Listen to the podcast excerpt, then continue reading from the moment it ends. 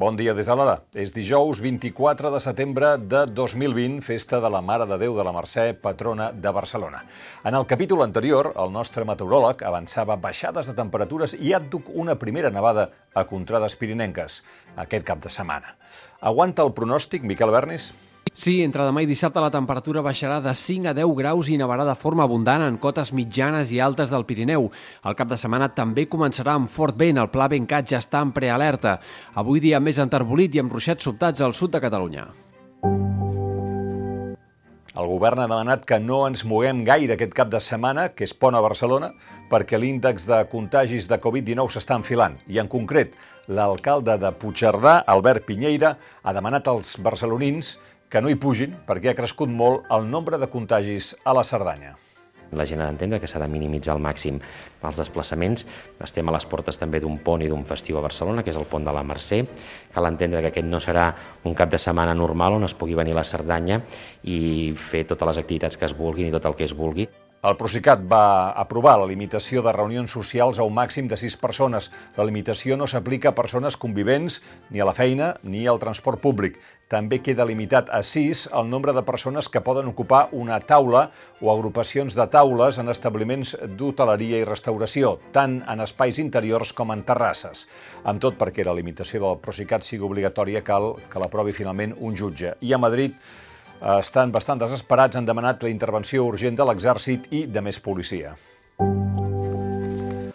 La política està pendent de quan serà inhabilitat el president Torra. Des d'avui, en qualsevol moment, eh, dilluns que ve, segons l'Ernesto Ekaizer. Ahir el president de la Generalitat va anar a declarar per la primera pancarta i ho va ventilar en 3 minuts.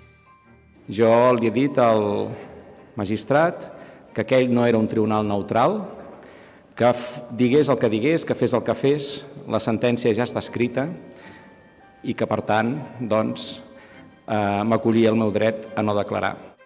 Per cert, que el rei Felip de Borbó no presidirà demà l'entrega de despatxos judicials a Barcelona als nous jutges. La Zarzuela havia dit que eh, sí que hi aniria i ningú va explicar el motiu de per què al final no vindrà, tampoc la Moncloa. És el govern espanyol qui li ha dit que no vingués perquè no coincidís la presència del rei amb la sentència contra el president de la Generalitat. Les associacions conservadores de jutges, majoritàries, han posat el crit al cel. I un altre anunci que va fer el govern espanyol ahir va ser el que eh, la setmana que ve començarà a tramitar els indults dels presos polítics. El sobiranisme ho rep amb escepticisme, indult equival a perdó, amnistia seria el reconeixement que el delicte no ha existit, i podem veu un senyal perquè Esquerra Republicana, també Junts, puguin obrir-se a aprovar els pressupostos. I no us perdeu l'anàlisi de l'Ekaizer sobre la denúncia que va fer el número 2 de la Fiscalia Espanyola, Navajas, sobre les pressions que va rebre dels fiscals que havien estat acusant el procés, dels quals va dir que són esclaus de la seva ideologia. El pressionaven perquè, posés el, perquè processés el govern eh, per la seva gestió de la pandèmia, el govern espanyol. Segons l'Ekaizer, Navajas ha vingut a dir aquells que han portat la Fiscalia al seu fracàs històric més gran al ser rebutjada la seva seva qualificació de rebel·lió en el Suprem, han pretès seguir exercint com a fiscalia paral·lela en el Covid-19 i sostenien que per mantenir el prestigi calia ficar el govern espanyol a la presó. Estan sonats, diu Lekaizer. I per cert, que l'Audiència de Palma va revocar ahir el tercer grau i l'aplicació de l'article 100.2 del reglament penitenciari per Iñaki Urdangarín. El tribunal va estimar els recursos d'apel·lació que havia presentat la Fiscalia contra una sortida de cap de setmana al mes i el tercer grau eh, a partir del 3 de setembre que el permetia anar a treballar. El cunyat del rei Felip VI compleix una condemna de 5 anys i 10 mesos pel cas Nos. Des de Brussel·les, els països europeus que fins ara s'han negat a acollir refugiats i migrants poden continuar igual.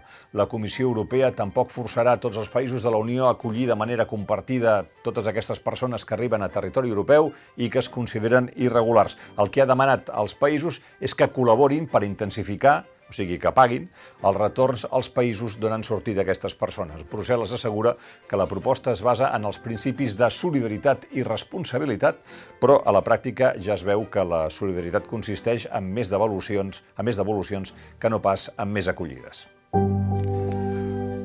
Com hem dit en començar, avui és la Mercè i l'Ajuntament de Barcelona és notícia. Al matí, el regidor Manuel Valls va impulsar que el ple municipal retiri la medalla d'or de la ciutat a qui va ser president del Parlament, secretari general d'Esquerra, exiliat i soldat republicà Heribert Barrera, per frases pronunciades al final de la seva vida, quan ja no tenia càrrecs del tipus la immigració és la principal amenaça de Catalunya.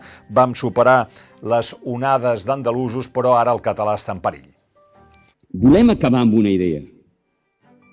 La idea que l'independentisme tindria una superioritat moral.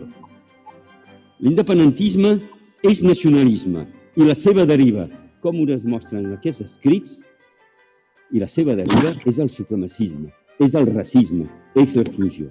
I és el que volem demostrar van votar a favor de la proposta de Valls el govern de Comuns i Socialistes, també ho van fer Partit Popular i Ciutadans, mentre que Esquerra i Junts es van oposar a revisar el guardó i van defensar la trajectòria de Barrera. I a la tarda, pregó de les festes de la Mercè amb el pallasso al tortell poltrona de pregoner. Manuel Valls se'n va anar, després de sentir-li dir al pregoner afirmacions com aquestes. Tinc moltes vegades la sensació que l'estat de dret està tort. Vull dir que l'estat de dret està guerxo, no? I això de la llengua, no? Hi ha gent encaparrada en pensar que la nostra llengua és el castellà, no? I nosaltres, ben, que parlar català, i es veu que, que devem tindre problemes mentals, no? Potser es pensen que la seva llengua és més important que la de la meva mare. Doncs no, home, a veure, qui rebutja la llengua i la cultura d'un lloc, com a mínim podem dir que són uns inadaptats. Per cert, i parlant de Barcelona, el conductor d'un patinet elèctric va morir ahir a la tarda després de col·lisionar amb una furgoneta al carrer Provença, cantonada Pau Claris, a l'Eixample. A conseqüència, el conductor del patinet elèctric, un home de 59 anys, va resultar greument ferit i el van traslladar a l'hospital on va morir poc després. És el primer conductor de patinet elèctric mort en un accident de trànsit. El novembre de l'any passat, el conductor d'un patinet havia atropellat una dona de 82 anys que va caure a terra d'esquena i va haver de ser hospitalitzada. Tres dies més tard va morir. El Mobile World Congress de l'any que ve se celebrarà finalment al juny. La idea continua sent muntar un congrés que combini el format virtual amb el presencial i, de fet, una de les raons per les quals posposen el congrés i no el fan només virtual és el gran interès que han detectat per participar-hi presencialment, per venir a Barcelona. L'any següent, el 2022, el Mobile World Congress se celebrarà al febrer. Això vol dir que tindrem dos congressos en vuit mesos. A l'estiu eh, del 2021 i al febrer del 2022. Aquest migdia, Luis Suárez serà presentat com a nou jugador de l'Atlètic de Madrid. Eh, ho serà per les dues pròximes temporades, després de sis anys al Barça, on ha marcat 198 gols i ha guanyat 13 títols. Suárez deixa una mitjana de més de 30 gols per temporada al Camp Nou. Es va acomiadar ahir dels seus companys amb llàgrimes. En aquesta sortida, el Barça de Bartomeu, urgit per les tensions de tresoreria, ha prioritzat l'estalvi de la massa salarial, no haver de pagar un sou tan alt al davanter uruguaià, per exemple, i no pas la possibilitat de fer un càsting de compradors que presentessin una oferta real. Fins aquí les claus del dia. Tornem d'aquí uns minuts amb l'anàlisi de l'actualitat.